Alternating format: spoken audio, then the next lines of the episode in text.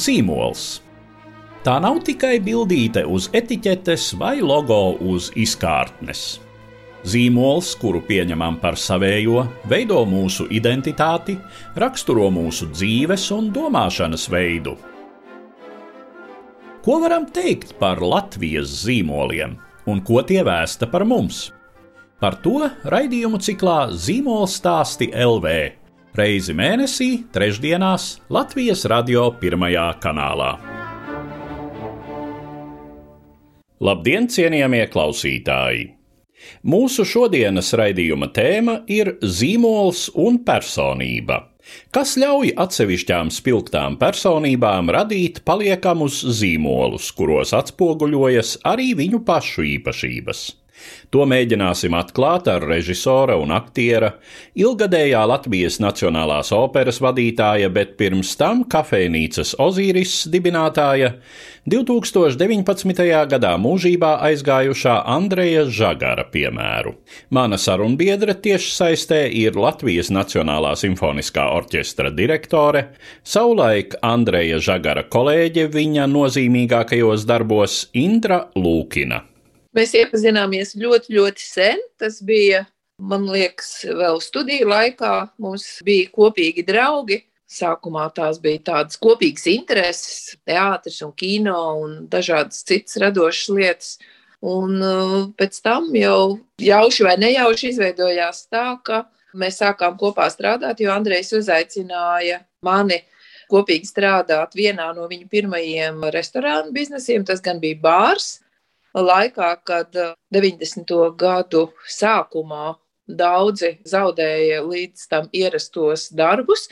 Un arī man beidzās darbs kino studijā, un uh, Andrejs bija jau toreiz ļoti ideju pārņemts un tāds iedvesmojošs cilvēks. Viņš teica, draugi, mums ir jāveido kopīgs bizness, mums ir tagad jāatver bārs un restorāns. Un, var sakot, viņš jau prātā aizraut cilvēkus. Un tā laika apstākļiem likās, kādēļ gan nē, kaut kas jauns un interesants. Un kopā mēs daudz ko varam izdarīt. Tas bija tas bārs, kas atradās Tallinas ielā. Jā, jā, tas bija tas. Pirmais žagara bārs, par kuru retais atceras, un eh, es pat neatceros, vai tam bāram bija kāds nosaukums. Man šķiet, ka īsti tāds nosaukums arī nebija.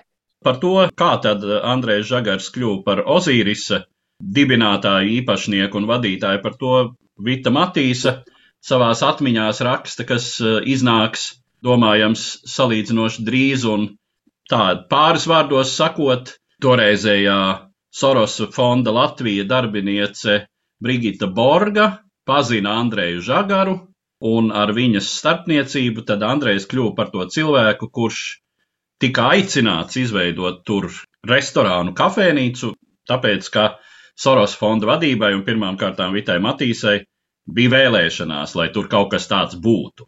Atceroties to brīdi, kad Andrejs sāka veidot eh, Ozīrisu un to arī strādāja tur kopā ar viņu, Cik jūs vispār apzinājāties to, ka ir jānodarbojas arī ar kaut ko, kas ir zīmolvedība, kaut ko, kas ir, teiksim, apzināta šīs vietas kā zīmola veidošana? Mēs neko daudz par zīmolvedību un šīs parādības teorētisko pusi to laiku nezinājām, protams, bet kā tas viss veidojās, tur bija atkal dažādu apstākļu sakritība. Pirmkārt, tā bija Vitas Matīs personība, kura bija iecerējusi šo kafejnīcu ar zināmu statusu un ar zināmu stilu. Un tā apstākļu sakritība, ka tika uzaicināts Andrejs, protams, bija, es domāju, tai laikā īsti desmitniekā, jo Andrejs arī bija, kā mēs zinām, ļoti izturēts stila cilvēks. Viņš ļoti lielu nozīmi piešķīra stilam un neko neuzskatīja par mazsvarīgu. Un apvienojoties prasībām, kādas Vita Matīsa bija iecerējusi, ka, piemēram, šajā kafejnīcā skanēs tikai augsta līmeņa muzika, klasiskā muzika dienas laikā un vakara laikā atbilstoša stila. Sauksim to par vieglo mūziku, bet nekādā gadījumā ne šlāgeru mūziku un kaut kas tam līdzīgs bija kaut kas, ko mēs iepazinām no jauna, jo Vita Matīs bija atvedusi arī savus mūzikas ierakstus, un tad uh, mēs veidojām to kolekciju klāt. Šī mūzika, es domāju, bija viena no tām stila iezīmēm. kādēļ cilvēki uzreiz kaut kā jūta, vai šī vieta ar viņiem rezonē vai nē, ja tā var teikt. Un bija cilvēki, kuri jūta, ka tieši šī vieta viņiem galīgi nav piemērota un nenāca vairs tur. Un, protams, interjers, protams, trauki, Un varbūt pat pats svarīgākais ir tas, kā tika veidota komunikācija šajā vietā, kāds bija veids, kā ar apmeklētājiem mēs runājām, kā mēs izturējāmies pret viņiem šī viesmīlības puse. Es domāju, toreiz mums nebija to teorētisko zināšanu, bet eh, mēs vienkārši darījām tā, kā mēs paši jutām. Un es domāju, ka it īpaši es vēlreiz gribu uzsvērt, ka Andrejam šī izjūta bija ļoti perfekta un smalka. Un tie pārējie, kas veidojām to komandu, mēs bijām līdzīgi domājoši. Tā kā tur nebija neviens īpaši jāadresē vai īpaši kaut kā varbūt jāpārmāca. Mēs vienkārši jutām, ka tādā veidā mums pašiem patīk, un mēs tā arī vēlamies citiem šo vidi radīt. Un līdz ar to tas zīmols veidojās no jau minētiem un vēl dažādiem citiem elementiem, zināmā mērā tā dabiski, Un mēs vienkārši bijām pareizajā laikā, pareizajā vietā un ar pareizo laikam izpratni par to. Es teiktu, ka te bija viens tāds ļoti svarīgs motīvs, un tas ir uh, tam laikam ļoti saprotams, lai tas būtu tā, kā mēs to esam redzējuši rietumos, teiksim, tai brīvajā pasaulē, kurai Latvija tik, tikko bija pievienojusies 90. gadu sākumā, Un eh, ļoti daudzās lietās šis motīvs darbojās. Lai gan jāsaka uzreiz, tā nebija tāda dievinoša atdarināšana, ka mēs tagad pārcelsim kaut ko viens pret vienu, cik es atceros ēdienu karti. Tad tika domāts eh, jau no paša sākuma, lai tur būtu tomēr arī kaut kas latvisks. Un, teiksim, siļķi ar biespienu un kartupeļiem bija pastāvīgi Ozīris ēdienu kartē. Līdzās grieķu salātiem un šķiet arī cēzaru salātiem kurus Latvijā līdz tam neviens īsti nepazina. Nu, un vēl neskaitāmas, neskaitāmas receptes, kas Latvijā padomju laikā nebija gatavotas vispār. Te ir divi aspekti. Viens, ko tu minēji, mācīties no tiem piemēriem, kādi ir Rietumē Eiropā. Un tas, nu, protams, bija Andrejs, kurš tik līdz bija iespējams brauca, kur vien varēja, skatījās, vēroja, momentā uzsūca tās zināšanas, kas viņam patika, kā viņam likās, kā vajadzētu un ko vajadzētu tiešām ieviest Latvijā no tā, kas līdz tam nebija zināms. Un otra lieta, ka mums bija izcils skolotājs Ozirisā, un tas bija Kanādas latviešu izcelsmes gan pavārs, gan, cik es saprotu, restorānu menedžers Pauls Miniāts. Viņš būtībā ļoti, ļoti daudz lietas, šīs receptes, kā šos klasiskos spagetti vai lazaņas, un vēl daudzus citus ēdienus. Pauls Miniets bija tas, kurš apmācīja pavāru Ozirisā, kurš mācīja arī tieši restorānu menedžmentā, kā darīt uh, lietas ar iepirkumiem. Ļoti, ļoti daudz tādas praktiskas lietas. Un mēs, tie, kas tur sākām strādāt, mēs bijām ļoti atvērti un arī izslāpuši pēc tām zināšanām, mēs ātri mācījāmies, daudz mācījāmies un arī daudz ko iemācījāmies. Es domāju, varbūt tie, kas gāja kādās speciālās skolās un mācījās pāris gadus, to mēs, es domāju, pāris mēnešos apguvām. Viens fakts, kas liecina to, cik tomēr Andrejs un viņa komanda jūs trāpījāt tajā desmitniekā, ir tas, ka, piemēram, Ozīris interjers praktiski nav mainījies. Tas ir tāds, kāds tas bija toreiz, kāds tas toreiz tika izveidots, un šis interjers jau ir kļuvis nepārprotami par Ozīrisa zīmola sastāvdaļu. Par to mēs apzināti arī lielu diskusiju ceļā vienojāmies, ka tā ir tāda vērtība, ko nevajadzētu mainīt. Jo, protams, pa vidu bija jau domas, ka vajag kaut ko uzlabot un pārveidot, bet uh, mēs nonācām pie secinājuma, ka šis interjers ir vērtība. Un ar gadiem mēs sapratām, ka tādas kafejnīcas un restorāni pasaulē, kas izdzīvo 10, 20 un vairāk gadu, tā patiešām ir vērtība un ka tur nevajag neko mainīt. Es biju turpat līdzās tajā laikā, jo es līdz ar Ingrīdu Sniedzi mēs vadījām blakus esošo arī Sorosa fonda nodibināto grāmatu veikalā Perto Libro, nu un arī domājām tobrīd tāpat taustoties par kaut kādu šīs vietas mārketingu, kaut kādu tirgvedību. Nu, mēs mēģinājām arī mazliet eh, paši nepiesaistot nevienu profesionāli, veidot kaut kādas reizumus grāmatnīcas reklāmas. Kā bija ar Ozīrisu? Vai Ozīris arī darīja kaut ko reklamēšanās jomā? Godīgi sakot, Ozīris tik ātri, strauji kļuva populārs, ka man šķiet, ka nekas tāds nebija. Es būtu pārsteigta, ja mēs būtu pat toreiz kaut ko tādu domājuši, jo cilvēku bija tik daudz, ka mēs nevarējām visus uzņemt. Es atceros to, ka cilvēki sēdēja uz logu malām un kur tikai vien ne. Un bija ļoti, ļoti iemīļota vieta. Un, acīm redzot, mēs ar sirdi un vēseli visu to darījām, un cilvēki tā to uztvēra. Un, kā jau tu sākumā minēji, tā bija viena no tādām pirmajām bezdalīgām, no tādiem pirmajiem rietumnieciskas ievirzes kvalitātes, gan ēdienu, gan apkalpošanas ziņā vietā, un cilvēki plūda uz Ozirisu. Tā ka tāda veida reklāma mums nebija nepieciešama. Te ir tas būtiskais moments, ka faktiski Ozīris parādījās faktiski tukšā vietā, vai respektīvi vietā, kur eh, teju viss bija pilnīgi citāds. Daudzi vecie restorāni, līdz tam pastāvējušie kafejnīcas, pat ja tiem bija savs stils un kaut kas, ko mēs varētu dēvēt par zīmola iedīgļiem, atpazīstams nosaukums un kāda atmosfēra, kas ar šiem iestādījumiem saistījās, Tie tomēr eh, daudzos gadījumos izrādījās nespējīgi tai tirgus situācijai pielāgoties. Vai nu beidza pastāvēt, vai nu pastāvēja joprojām tādā padomi laika stilā.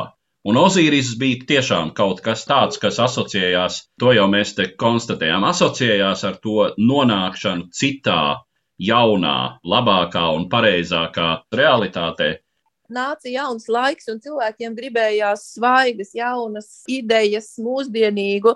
Un es atceros arī no skolas laikiem, bija taču arī tādi restorāni, ko varētu saukt ar savu seju, ar savu zīmolu. Protams, ka tādi bija. Bet cilvēki, man liekas, vienkārši vēlējās kaut ko jaunu, svaigu, nu, līdz ar jauno laiku. Tāpat laikā, kad Ozeris sāka, sāka arī Mārtiņš Rītiņš Rīgā darboties, Elmārs Tannis, Tā kā nebijām jau mēs, protams, vienīgie, bet šīs jaunās vēsmas, protams, cilvēks ļoti aizrāva. Tādēļ tas ir likumsakarīgi, ka cilvēki nāca un gribēja to baudīt. Te darbojās tāda organiska tirgvedība, ka tā ziņa, ka ir kaut kas tik lielisks, gāja no mutes mutē, un uh, kafejnīca bija piepildīta un pārpildīta reizumis, un uh, tāpat tā ir palikusi visiem laikiem cauri, un tāpēc arī droši vien sekmīgi izdzīvojusi, ka tā ir eh, zināmā sabiedrības daļā populāra un eh, tas, kas ir sekmīga zīmola, jāsaka, augstākais lidojums, arī teorētiski tas tiek atzīts, ja cilvēks saista šo zīmolu ar savu individuālo identitāti, ar savu personību. Jā, un es eh, gribētu teikt, ka 20. gada pavasarī, kad viss tika aizvērts apmeklētājiem, tad es domāju, ka ļoti labi iezīmējās tas, ka Ozirisam ir savi lojālie apmeklētāji, kas ir gadu gadiem bijuši. Un, lai atbalstītu Ozirisu, viņi nāca, viņi ņēma ēdienu līdzi un tieši ar tādu domu, ka nevienmēr tas varbūt bija tik nepieciešams, bet lai atbalstītu savu mīļo vietu, lai tā spētu izdzīvot. Jā, grūtos laikos man šķiet tas vislabāk parādās. Jā, bet gāja laiks. Andrejs nevarēja stāvēt uz vietas, viņam visu laiku vajadzēja meklēt kaut ko jaunu. Ozīris bija izveidots, Ozīris bija jau iesakņojies, tad viņš sāka mēģināt dažādas citas vietas izveidot. Vienu brīdi, manuprāt, viņam bija pat veseli četri restorāni, bet uh, Tad nāca tas Andreja mūža lielākais izaicinājums, kad viņš tika uzaicināts kļūt par Latvijas Nacionālās operas direktoru. Protams, viņa reputācija strādājot restorānu biznesā ļoti daudz ko noteica šai ziņā. Viņu jau pazina kā inteliģentu cilvēku ar labu stila izjūtu, no otras puses viņu pazina kā enerģisku un pietiekami prasmīgu vadītāju. Un tad, nu, toreiz tā bija Helēna Demakova, kultūras ministre, kas viņu aicināja kļūt par Latvijas Nacionālās operas direktoru. Un tu devies viņam līdzi uz operu, Un operā jau zīmolvedība bija tavs pamatpienākums, jo tu vadīji operas mārketinga nodaļu. Kāda bija jūsu ar Andreju izjūta, kad jūs ienācāt operā? Kāds ir operas tēls, kāds ir tas, ko mēs varētu saukt toreiz par Latvijas Nacionālās operas zīmolu? Tas būtu daudz garāks stāsts, lai aptvertu un izstāstītu, kāda toreiz bija situācija. Man šķiet, ka operas tēls un pati opera tajā laikā bija ļoti, ļoti sarežģītā brīdī, jo bija beigusies operas restaurācija, bija brīnišķīgs nams, bija aizvadīta pirmā sezona, kuras laikā bija nomainījušies jau divi vadītāji, un tomēr, diemžēl, opera nedarbojās sekmīgi. Tur bija dažādi iemesli, bija ļoti dārgas biļetes, bija arī mākslinieckās kvalitātes problēmas. Es negribu īsi pateikt to, ko nevar īsi pateikt. Tas izklausīsies pēc spekulācijas. Bet katrā ziņā es teiktu tā, ka operas tēvs būtībā bija e, jābūvē, ja ne gluži no nulles, tad tāds operas pozitīvais tēvs bija jābūvē no nulles, jo līdz tam bija dažādi skandāli publiskajā telpā arī bijuši par operas būvniecības laiku, finansēm un kas tik vēl ne. Un tad jau gan mēs sākām zīmolvedību nodarboties nopietni, Un mēs būtībā sākumā darījām visu. Sākumā nekādas mārketinga daļas nemaz nebija. To mēs vēlāk izveidojām. Un pirmās jēgpilnās sarunas par uh, zīmovedību es atceros ar Baibu Rubes, kura mums tieši ar Andreju vadīja, ja tā varētu teikt, tādas privātas lekcijas nelielas, kā mums to vajadzētu darīt, kas tas būtu un kā to vispār veidot. Un tad tālākajā gaitā Visai drīz eh, tika piesaistīti arī ārzemju speciālisti, un mēs tad arī ļoti ātri sākām jau braukt, skatīties citu valstu piemērus. Tad jau tālāk sekoja daudz un dažādas gan mācības, gan kursi, gan pieaicināti speciālisti šeit Rīgā. Vienā no pirmajiem gadiem mēs veicām auditorijas pētījumu, un mēs atklājām tur ļoti interesantus un pamācošus faktus Kā piemēram, vēl tagad atceros, ka uz jautājumu, kā cilvēki domā, kādas ir operas biļešu cenas, diezgan liels kvantitatīvā pētījuma procentuālais cilvēku daudzums teica, ka viņu ieskatā laikam operas biļetes maksā apmēram 300 latus. Un no tā mēs sapratām, ka cilvēkiem ir tas priekšstats, ka tā opera ir kaut kas tik ekskluzīvs, tik ārprātīgi dārgs, ka viņi nemaz neiedomājas, ka viņi tur varētu iet. Un otra lieta bija cilvēkiem uzdots jautājums, kādi ir tie iemesli, kādēļ jūs nenākat jau tā konkrēti. Un viens no tiem iemesliem, kas bija daudzkārt minēts, ka cilvēkiem nav pienācīga vakartērpa, lai nāktu uz operu. Tie ir tie divi fakti, kas man visvairāk ir iespiedušies atmiņā, saprotot šīs divas indikācijas mēs apzināti strādājam uz to, lai pateiktu cilvēkiem, ka biļetes maksā tik un tik un tik ļoti konkrēti, lai cilvēks saprot, ka tas ir kaut kas tāds, ko arī viņš var nopirkt, un pie tā, ka cilvēkam nav obligāti jānāk vakar tērpā uz operu, viņš var nākt arī pieklājīgā citā dreskoda variantā. Tā tad viens bija, protams, rūpes par pašu, kā saka, produktu, un Andrejs, protams, ļoti daudz darīja, lai paceltu tieši to māksliniecisko līmeni, nu, pirmām kārtām, vokālo līmeni, un te bija tas, kas ļoti daudziem nepatika, un ko ļoti daudzi joprojām atceras ar nepatiku, ka viņš tiešām importēja kvalitatīvus solistus no ārzemēm, tos, kurus varēja atļauties, kas arī nebija pats augstākais līmenis, bet tomēr maksāja salīdzinoši dārgi salīdzinoši ar to, ko saņēma daudzi vietējie solisti. Tā neapmierinātība jau bija diezgan saprotama no vienas puses, bet no otras puses tas laikam bija vienīgais, kā šo māksliniecisko līmeni būtiski varēja pavilkt uz augšu. Nu, jā, gan pavilkt uz augšu, gan mana pārliecība ir tā, ka opera ir tas žanrs, kur nav iespējams tikai šauri lokālā kaut kādā ietvarā sasniegt un radīt izcils izrādes un izcilu sniegumu, jo tā ir ļoti internacionāla māksla. Un visā pasaulē tie, kas ir tie izcilākie dziedātāji, diriģenti, arī režisori un scenogrāfi un tā tālāk, viņi ceļo pa visu pasauli un ne jau velti viņi dzied vienā operteātrī un tad tur un tad tur un tad tur. Tā vienkārši ir šī žanra specifika. Un to saprotot, un kas arī bija tiešām Andreja ambīcija, ka Latvijas Nacionālajai operai ir jānonāk startautiskā apritē, tad bez šaubām tā bija vienkārši nepieciešamība. Un es domāju, ka tas ļoti daudz deva arī tiem, kuri bija šeit vietējie mākslinieki, jo, kā mēs zinām, ja tas līmenis virzās uz augšu, tad arī tas tos pārējos pavelk līdzi, un viņiem ir ar ko salīdzināt augstāki standarti, un, manuprāt, tas bija visiem labi. Protams, tas, kas operā bija no zīmola, tas bija nams, kas sākotnēji diezgan daudz ko arī deva, jo no vienas puses, kā tu minēji, bija sabiedrībā priekšstats, ka tur vispār bez vakartērpa un smokinga iekšā iet nedrīkst.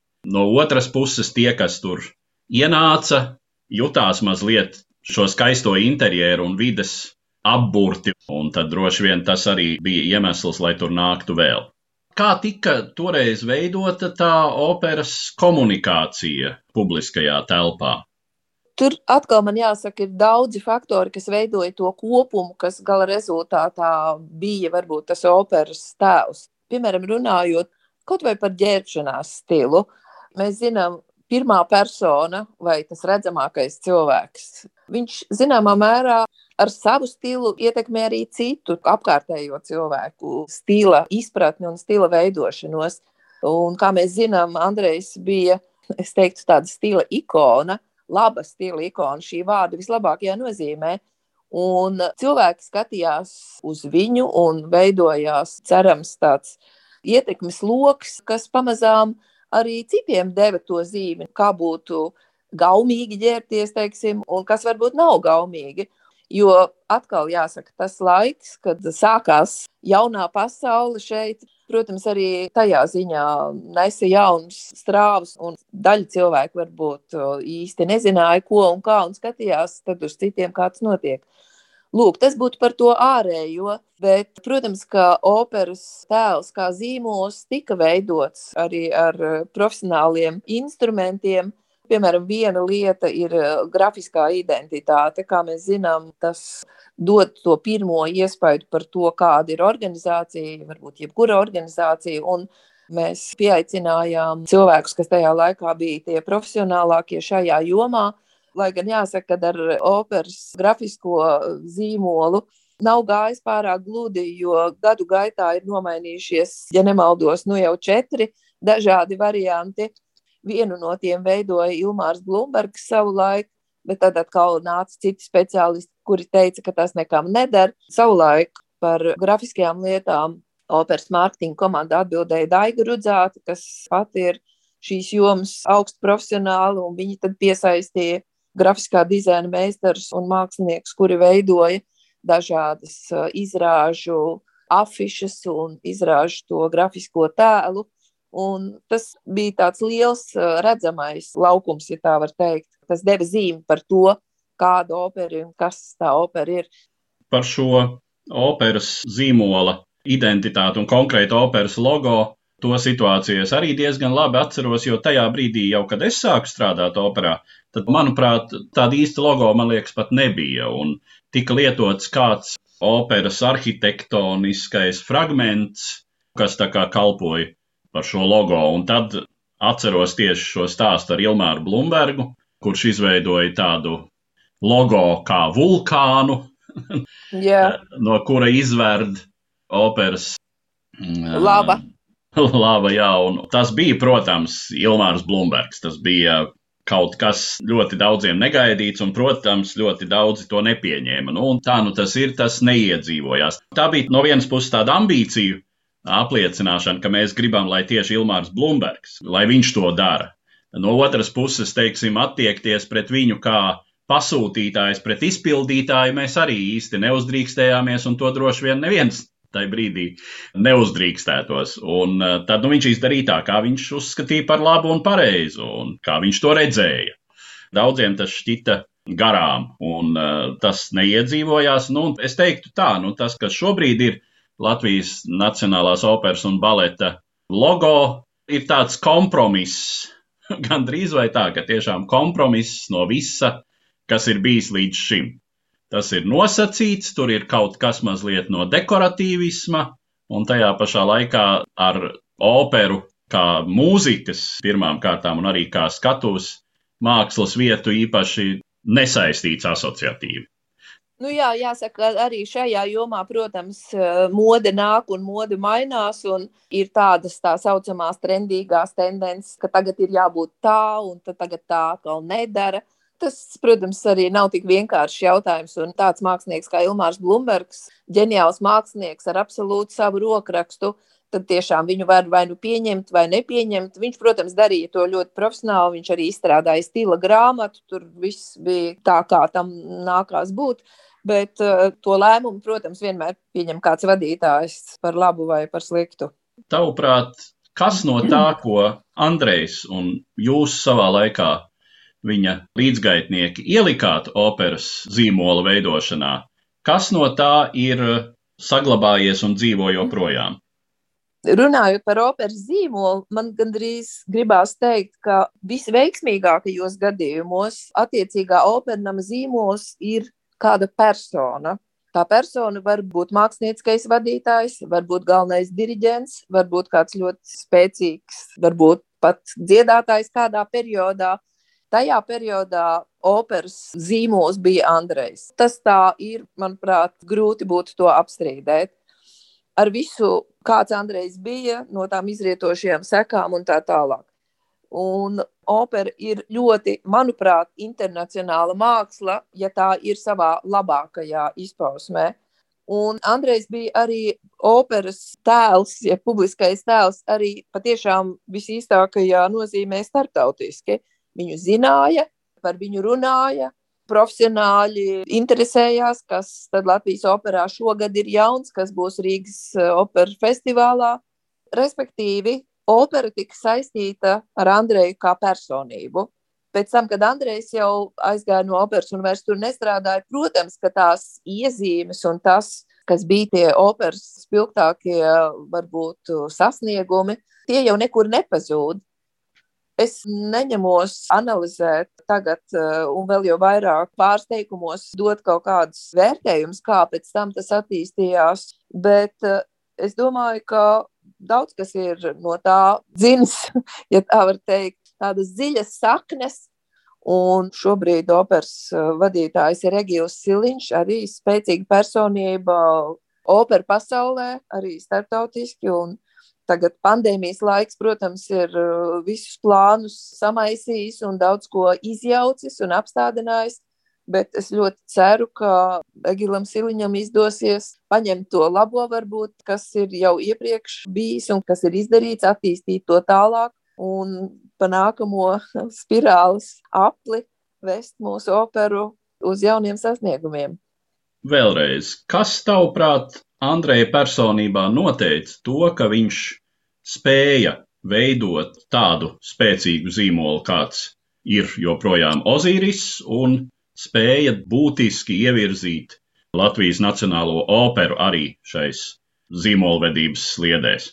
Es laikam kā pirmo īpašību nosauktu fanātisku ticību tam, ko viņš darīja, fanātisku atdevi darbam, spēju saliedēt komandu, cilvēkus, kas bija viņam apkārt, un ar šo savu ārkārtīgi, ārkārtīgi spēcīgo vēlmi izrauties pašam un pacelt to, ar ko viņš strādāja, savulaik Oziris un pēc tam operu, ka mums ir jābūt labākajiem, mums ir jāpierāda, ka mēs varam un ka Latvijā var izveidoties šāds spēcīgs un startautiski zināms operteātris. Līdz ar to izskan mūsu saruna, kas bija veltīta režisoram, aktierim, savulaik restorāna Ozīris izveidotājam un Latvijas Nacionālās operas vadītājam Andrejam Žagaram un viņa atstātajām pēdām Latvijas zīmolu pasaulē. Mana sarunbiedra tiešsaistē bija Latvijas Nacionālā simfoniskā orķestra direktore, savulaik Andreja Žagara kolēģe Indra Lūkina. Uz redzēšanos, cienījamie klausītāji!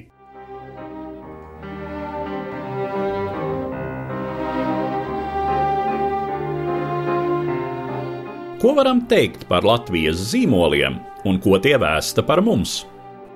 Sarunas ar zīmolvedības teorētiķiem un praktiķiem raidījumu ciklā Zīmola stāsti LV. Reizi mēnesī, trešdienās pēc pulksten trijiem pēcpusdienā Latvijas radio pirmajā kanālā.